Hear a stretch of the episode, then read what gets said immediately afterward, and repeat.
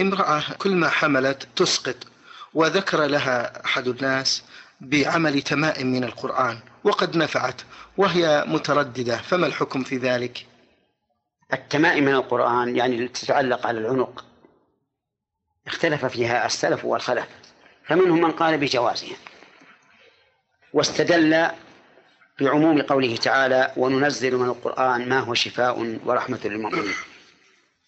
وقالوا إن أي تجربة يكون فيها شفاء وهي من القرآن الكريم فإنها داخلة في هذا العموم. ومنهم من قال إن التمائم ممنوعة سواء كانت من القرآن أو من غير القرآن. فهذا موضع خلاف بين أهل العلم رحمهم الله.